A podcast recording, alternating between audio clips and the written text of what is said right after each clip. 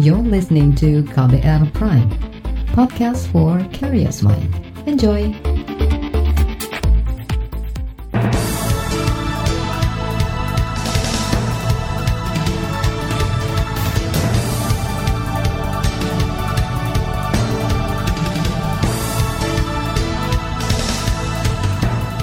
Selamat pagi saudara, senang sekali kami menjumpai Anda kembali melalui program Buletin Pagi edisi Senin 24 Agustus 2020. Bersama saya Ardi Rosyadi, informasi yang kami hadirkan pagi ini di antaranya kebakaran gedung Kejaksaan Agung dikhawatirkan hambat penanganan kasus korupsi. Pemerintah tepis isu reshuffle kabinet, kalahkan Paris Saint-Germain Bayern Munchen raih gelar juara Liga Champion. Inilah Buletin Pagi selengkapnya. Terbaru di Buletin Pagi. Informasi pertama, masyarakat anti korupsi Indonesia atau MAKI khawatir kebakaran di gedung Kejaksaan Agung merusak sejumlah dokumen kasus korupsi. Salah satunya kamera pengawas yang merekam aktivitas Jaksa Pinangki Sirna Malasari. Pinangki merupakan jaksa yang dijadikan tersangka karena disebut membantu lolosnya buronan kasus pengalihan hak tagih Bank Bali Joko Chandra. Koordinator Maki Boyamin Saiman menyebut seharusnya dalam waktu dekat sudah ada perkembangan terkait kasus itu, mulai dari penetapan tersangka baru pemberi suap, pengembangan kasus ke pencucian uang, hingga koordinasi dengan Komisi Pemberantasan Korupsi. Kita tunggu apakah kebakaran itu menghambat proses yang saya sebutkan tadi atau tidak. Nah, kalau memang kemudian ada kekendoran, tidak segera menetapkan tersangka pemberi, tidak segera menetapkan pasal-pasal yang lain yang diduga bisa menjerat para tersangka dan kemudian juga tidak berusaha pencucian uang atau juga tidak mengejar yang dugaan pemberian janji dan juga tidak segera mengajak supervisi KPK, maka kebakaran ini menjadi ada pembuktian bahwa ini dalam rangka menghambat Joko Chandra. Boyamin juga berharap kepolisian segera mengungkap penyebab terbakarnya gedung Kejaksaan Agung itu. Sementara itu, Kejaksaan Agung mengklaim berkas perkara korupsi yang sedang ditangani selamat dari insiden kebakaran besar Sabtu malam lalu. Juru bicara Kejaksaan Agung Haristiono mengatakan ada cadangan data untuk semua berkas dokumen yang ada. Untuk itu, ia meminta masyarakat dan pihak-pihak tertentu tidak berspekulasi terkait insiden ini. Jadi sekali lagi dengan terbakarnya gedung ini tidak mempengaruhi penanganan perkara tindak pidana korupsi karena berkas perkara aman 100%. Juru bicara Kejaksaan Agung Haristiono menambahkan gedung yang terbakar merupakan bangunan cagar budaya atau heritage. Ia mengklaim pengamanan gedung sudah sesuai standar. Hingga kini, menurut Hari, polisi masih menyelidiki penyebab kebakaran. Komisi Kejaksaan mendesak Jaksa Agung segera melakukan perencanaan darurat pasca terbakarnya gedung utama Kejaksaan Agung. Ketua Komisi Kejaksaan Barita Simanjuntak mengatakan perencanaan darurat yang dimaksud yaitu melakukan pemulihan atau recovery data-data dan dokumen yang ikut hangus terbakar. Seluruh dokumen yang penting kan harus ada backupnya. Itu sudah prosedur penanganan tata naskah penting kan. Saya yakin itu sudah dilakukan di semua kementerian lembaga prosedurnya uh, sama ya. Namun karena ini kan berkaitan dengan penegakan hukum, berkaitan dengan nasib setiap orang yang tugas-tugas penegakan hukum. Karena itu maka pengamanannya tentu harus diperhatikan betul. Untuk merecovery-nya itulah yang saya bilang emergency planning-nya. Ketua Komisi Kejaksaan Agung Barita Simanjuntak juga mengingatkan agar segera dilakukan audit pengamanan gedung, tidak saja di Kejaksaan Agung, tapi juga di Kejaksaan Negeri dan Tinggi. Lembaga Anti Korupsi Indonesia ICW meminta Komisi Pemberantasan Korupsi ikut menyelidiki insiden terbakarnya gedung Kejaksaan Agung. Peneliti ICW, Kurnia Ramadana mengatakan KPK bisa menggunakan pasal dugaan menghalang-halangi penanganan perkara korupsi saat menyelidiki kebakaran itu. Menurut Kurnia, tidak tertutup kemungkinan ada berkas perkara yang rusak terbakar sehingga berpotensi merugikan penanganan kasus tidak hanya Jaksa Pinangki Sirna Malasari dan tidak hanya Jiwasraya. Saya rasa banyak penanganan perkara korupsi yang dilakukan oleh Kejaksaan Agung, baik itu yang sudah atau yang akan ditangani berada di gedung tersebut. Dan ketika terbakar gedung tersebut, logika sederhananya sudah pasti barang-barang itu akan musnah begitu. Peneliti ICW Kurnia Ramadana menambahkan Kejaksaan Agung juga harus menjelaskan secara transparan kronologi kebakaran itu, termasuk mengungkapkan apa saja berkas dokumen yang ikut terbakar. Instansi Korps Adiaksa juga harus memastikan kebakaran tidak membuat penuntasan perkara besar. seperti kasus Joko Chandra dan kasus korupsi asuransi Jiwasraya terkendala. Selain kasus korupsi, sejumlah dokumen kasus pelanggaran HAM seperti kasus Semanggi juga disebut berisiko lenyap dalam kebakaran itu. Direktur Eksekutif Amnesty International Indonesia, Usman Hamid mengatakan, keamanan data dan berkas dokumen terkait peristiwa pelanggaran HAM seperti tragedi Trisakti dan Semanggi perlu segera diklarifikasi Jaksa Agung. Nah, suatu ketika berkas uh, Trisakti dan Semanggi itu sempat dikabarkan tidak ada di kantor Kejaksaan Agung. Dengan kebakaran kemarin, mungkin juga akan ada kekhawatiran bahwa berkas-berkas semacam itu juga ikut uh, musnah terbakar. Apakah dengan kondisi kebakaran sekarang misalnya laporan itu terbakar? Kalau iya, apa yang akan dilakukan oleh Jaksa Agung? Apakah meminta kembali pada Komnas HAM? Dan apakah Komnas HAM juga masih menyimpan laporan semacam itu? Itu tadi Direktur Eksekutif Amnesty International Indonesia Usman Hamid. KBR merinci sejumlah kasus besar saat ini tengah ditangani oleh Kejaksaan Agung. Kasus tersebut di antaranya kasus tindak pidana korupsi PT Asuransi Jiwasraya yang merugikan keuangan negara belasan triliun rupiah, kasus hak tagih Bank Bali yang melibatkan Joko Chandra, dan Jaksa Pinangki serta kasus dana reksa, sekuritas hingga kasus pelanggaran HAM Semanggi 1 dan 2. Beralih ke berita olahraga, Bayern Munchen menang tipis 1-0 atas Paris Saint-Germain atau PSG dalam final laga Champion di Stadion Dalus Lisbon, Portugal hari ini. PSG dan Bayern menampilkan laga yang sengit bertabur peluang sejak babak pertama. Sementara pada babak kedua, kesebelasan kembali saling tekan. Bayern masih dominan dalam penguasaan bola sementara PSG mencoba tampil efektif. Menit ke-59 Bayern Munchen mencetak gol. Sebuah serangan yang dibangun tanpa buru-buru berakhir dengan sundulan Kingsley Coman ke gawang PSG. Kemenangan ini mengukuhkan gelar ke-6 Bayern Munchen pada kasta tertinggi kompetisi tingkat Eropa. Pemerintah libatkan TNI tangani terorisme. Informasinya usai jeda tetaplah di Buletin Pagi KBR. You're listening to KBR Pride, podcast for curious mind. Enjoy!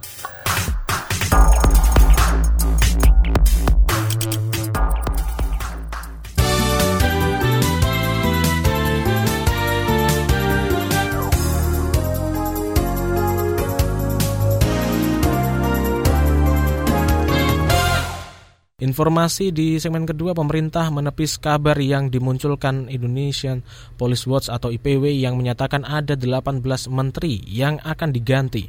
Menteri Sekretaris Negara Pratikno menegaskan sampai saat ini Presiden Jokowi belum akan mengambil kebijakan perombakan menteri di dalam kabinet atau reshuffle. Jadi tidak benar kita akan melakukan reshuffle, Pak Presiden akan melakukan reshuffle besar-besaran itu tidak benar karena Pak Presiden selalu perintahkan kepada menteri untuk fokus, fokus bekerja, fokus menyelesaikan krisis, dan fokus membajak momentum krisis ini untuk melakukan lompatan kemajuan di segala bidang. Jadi itu itu uh, itu yang uh, sudah disampaikan Pak Presiden kepada saya juga, karena saya juga mengkonfirmasi perihal hal ini kepada beliau. Menurut Pratikno, seluruh menteri yang duduk di Kabinet Indonesia Maju beserta jajaran di bawahnya saat ini sedang berkonsentrasi menangani dampak pandemi virus corona. Hal itu sesuai arahan Presiden Joko Widodo supaya jajarannya memanfaatkan momentum krisis untuk lompatan kemajuan. Informasi selanjutnya pemerintah tetap melibatkan TNI dalam penanganan aksi terorisme. Keterlibatan TNI tersebut akan diatur dalam peraturan Presiden. Menteri Koordinator Bidang Politik Hukum dan Keamanan Menko Polhukam Mahfud MD mengatakan perpres tersebut sudah rampung dan tinggal diserahkan ke DPR. Ia menekankan TNI akan dilibatkan dalam penyelesaian aksi terorisme, bukan pemberantasan tindak pidana terorisme. Apa itu aksi terorisme? Satu tindakan teror yang bukan hanya berupa tindak pidana dan tidak bisa diselesaikan oleh polisi, baik karena teritorinya maupun karena jenis kejahatannya. Sehingga pada akhirnya kita memutuskan yaitu perintah undang-undang bahwa harus ada perpres yang mengatur keterlibatan TNI di dalam aksi terorisme, bukan di dalam tindak pidana terorisme. Kata Mahfud, pelibatan TNI dalam penyelesaian aksi terorisme dibatasi untuk beberapa kejadian saja, seperti aksi teror di kedutaan, kapal-kapal zona ekonomi eksklusif hingga di pesawat. Menurutnya, lokasi-lokasi tersebut hanya bisa dimasuki oleh tentara, bukan polisi. Tren kepuasan terhadap demokrasi di Indonesia menurun sejak awal pandemi COVID-19. Maret lalu, hal itu merupakan hasil survei yang dilakukan Saiful Mujani Research and Consulting atau SMRC pada 12 hingga 15 Agustus kemarin. Pendiri SMRC Saiful Muzani mengatakan tren kepuasan terhadap demokrasi pada Maret lalu masih 74 persen. Tapi saat pandemi virus corona melanda, tren itu menurun drastis jadi 59 persen di bulan Juni. Tren itu kemudian meningkat pada bulan ini menjadi 67 persen.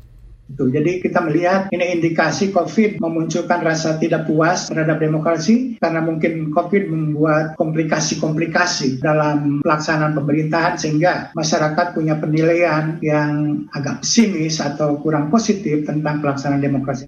Pendiri SMRC Saiful Mujani menambahkan tren preferensi atau komitmen bahwa demokrasi merupakan sistem yang terbaik untuk Indonesia juga menurun sejak muncul wabah COVID-19. Dari 80 persen pada Maret kemudian turun signifikan menjadi 56 persen di awal Juni. Saiful menyimpulkan pandemi COVID-19 juga ikut berpengaruh terhadap komitmen masyarakat terhadap demokrasi. Kita menuju ke berita ekonomi. Menteri BUMN Erick Thohir mengatakan Indonesia bersama Uni Emirat Arab membuka peluang penambahan kerjasama di bidang ketahanan energi tenaga surya, yaitu kerjasama PLN dan Pertamina dengan Masdar yang merupakan BUMN energi asal Uni Emirat Arab. Poin meeting yang kita akan lakukan bagaimana PLN bisa mentransformasi dengan partner dari Masdar membangun daripada energi tenaga surya yang awalnya sekarang di Cirata dan kita akan eksplor lagi di beberapa daerah lain. Data dari Kementerian BUMN menyebutkan PLN melalui PT Pembangkitan Jawa Bali sudah menandatangani persetujuan pembangunan proyek pembangkit listrik tenaga surya atau PLTS terapung di Waduk Cirata Purwakarta, Jawa Barat sejak tiga tahun lalu. Nilai investasi proyek itu 129 juta dolar Amerika atau hampir 2 triliun rupiah. Sementara itu, pembahasan kerjasama Pertamina dan perusahaan minyak nasional Abu Dhabi Etnok terkait penyediaan gas LPG senilai 270 juta dolar Amerika atau lebih dari 4 triliun rupiah. Kita menuju ke informasi terbaru COVID-19. DKI Jakarta masih menjadi daerah dengan jumlah kasus tertinggi COVID-19 di Indonesia. Hingga data sore kemarin jumlah kasus positif mencapai 32 ribu kasus dan seribuan dinyatakan meninggal. Sementara jumlah warga yang sembuh mencapai 22 ribu jiwa. Daerah dengan jumlah kasus tertinggi selanjutnya adalah Jawa Timur dan Jawa Tengah. Sementara jumlah kasus juga dengan jumlah terendah saat ini adalah Maluku Utara. Kasus positif di daerah ini mencapai 1.700-an kasus dengan jumlah meninggal sebanyak 60-an jiwa. Daerah dengan kasus terendah lainnya adalah Gorontalo, Kalimantan Tengah, dan Banten. Kita ke informasi mancanegara. Para penasihat kesehatan dari Inggris, Skotlandia, Wales, dan Irlandia Utara mengeluarkan pernyataan bersama. Mereka menegaskan anak-anak harus kembali ke sekolah pada September nanti. Alasannya, kalau anak-anak ketinggalan pendidikan, maka mereka akan mengalami kesenjangan ketidaksetaraan, menderita psikososial yang dampaknya mengganggu kesehatan fisik juga mental, dan semua dampak itu lebih jauh, lebih buruk daripada mereka tertular COVID-19. Pernyataan bersama itu juga mengklaim anak-anak yang terinfeksi virus corona memiliki risiko kematian yang sangat rendah. Bahkan kalaupun harus rawat inap, prosentasenya hanya 0,1 persen untuk anak-anak usia 0 sampai 9 tahun dan 0,3 persen untuk anak-anak usia 10 sampai 19 tahun. Saga bertajuk Oda Perempuan Bertahan di Tengah Pandemi akan hadir usai jeda. Tetaplah di Buletin Pagi KBR. You're listening to KBR Pride, podcast for curious mind. Enjoy!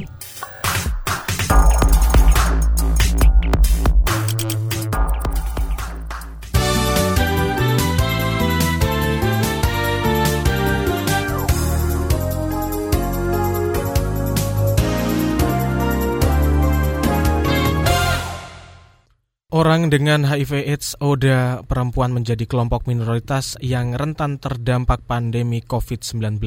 Selain terpukul dari sisi ekonomi, kesehatan mereka pun terancam akibat kelangkaan stok obat antiretroviral.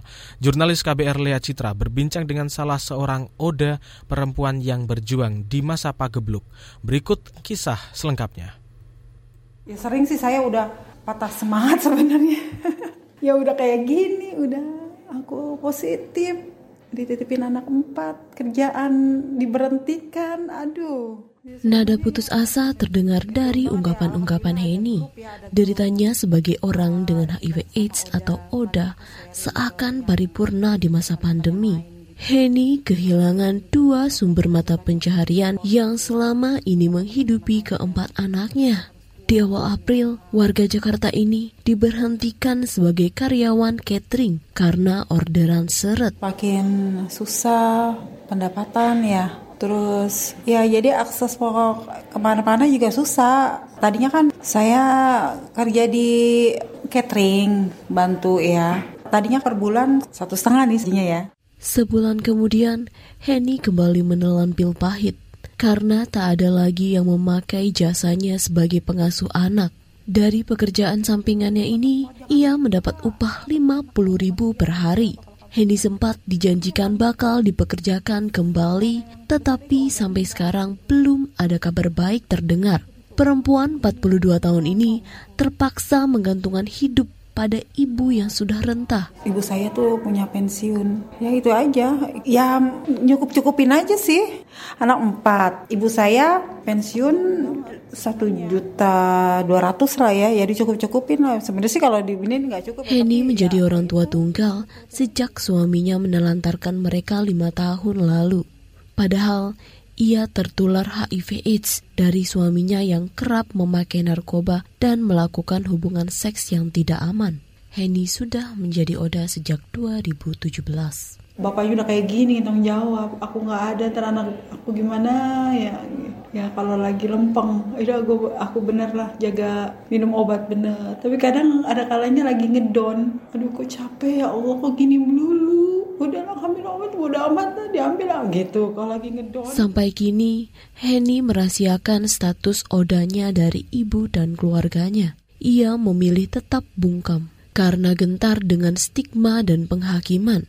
Botol-botol bekas obat anti retroviral atau ARV disimpannya rapat di kamar agar jangan sampai ketahuan. Emang aku sengaja nutupin, takutnya curiga gitu aja. Berbotol-botol bekasnya aku mau kumpulin di, di dalam satu plastik. Bingung mau buangnya, mau bawa tempat sampah takut tadi yang ngelihat orang di tas. tas Himpitan ekonomi di situasi pandemi juga dialami Oda lain di banyak daerah. Kondisi miris ini mendorong komunitas Oda untuk menggalang bantuan saat pemerintah lamban bergerak.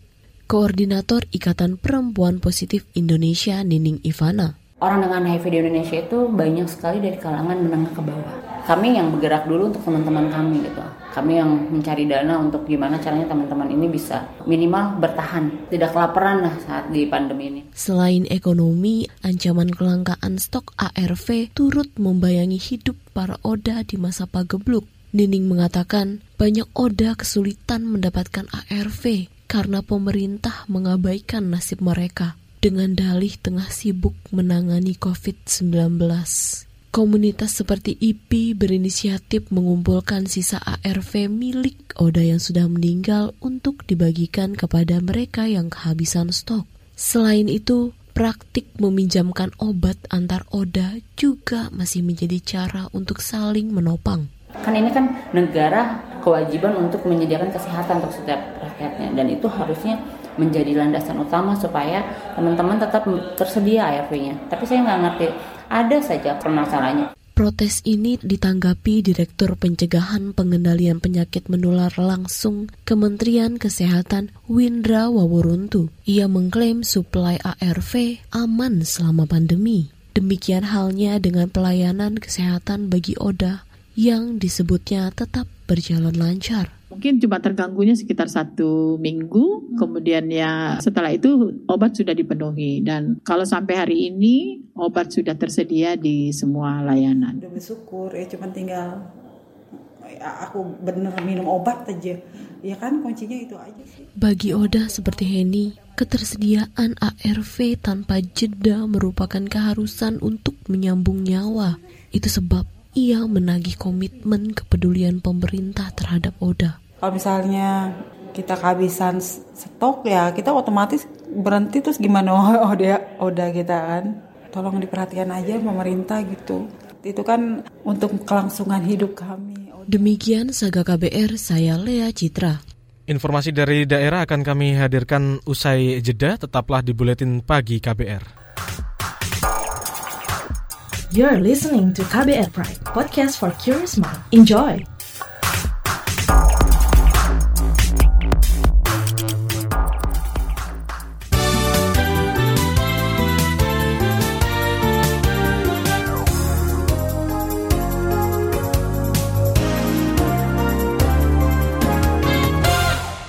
Inilah bagian akhir buletin pagi KBR. Kita awali informasi dari Bandung, Jawa Barat. Seratusan rumah warga di perumahan Tipar Sili Asih, Kecamatan Padalarang, Bandung Barat mengalami retakan di struktur bangunan.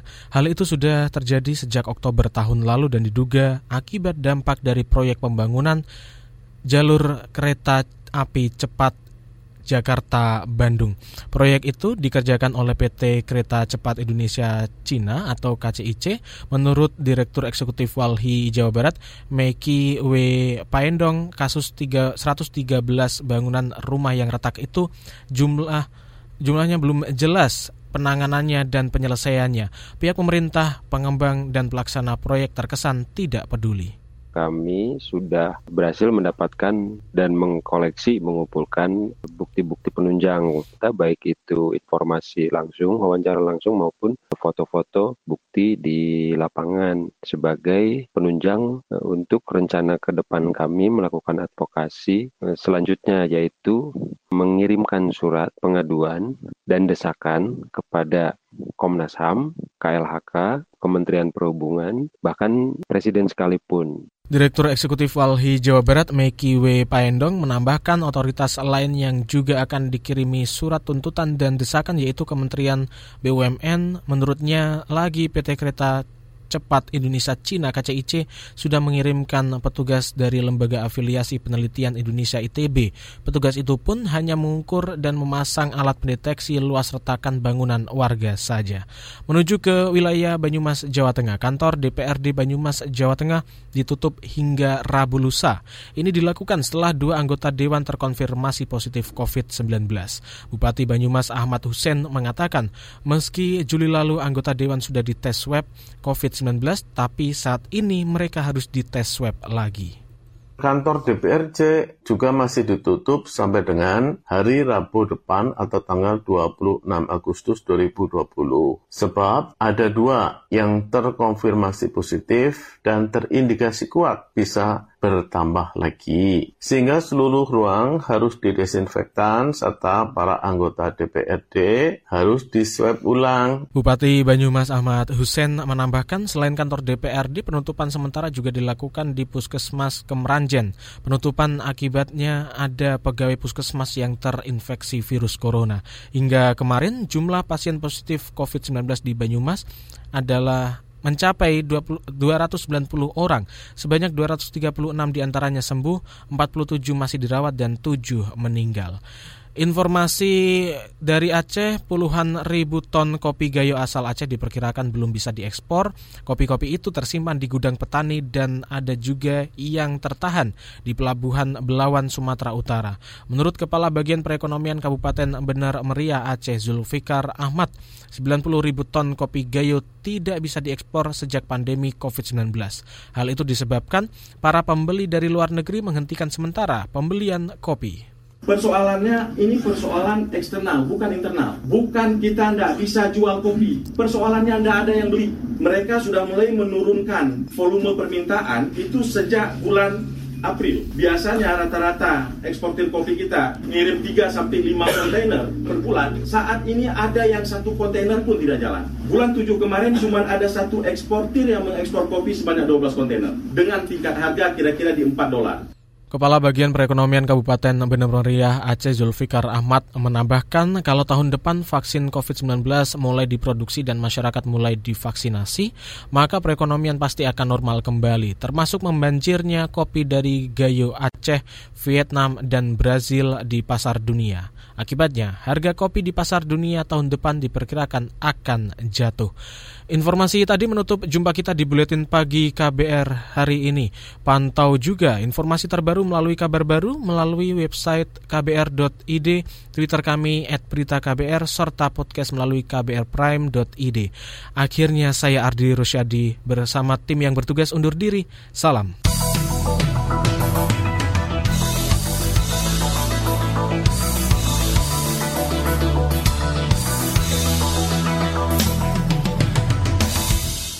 KBR Prime, cara asik mendengar berita.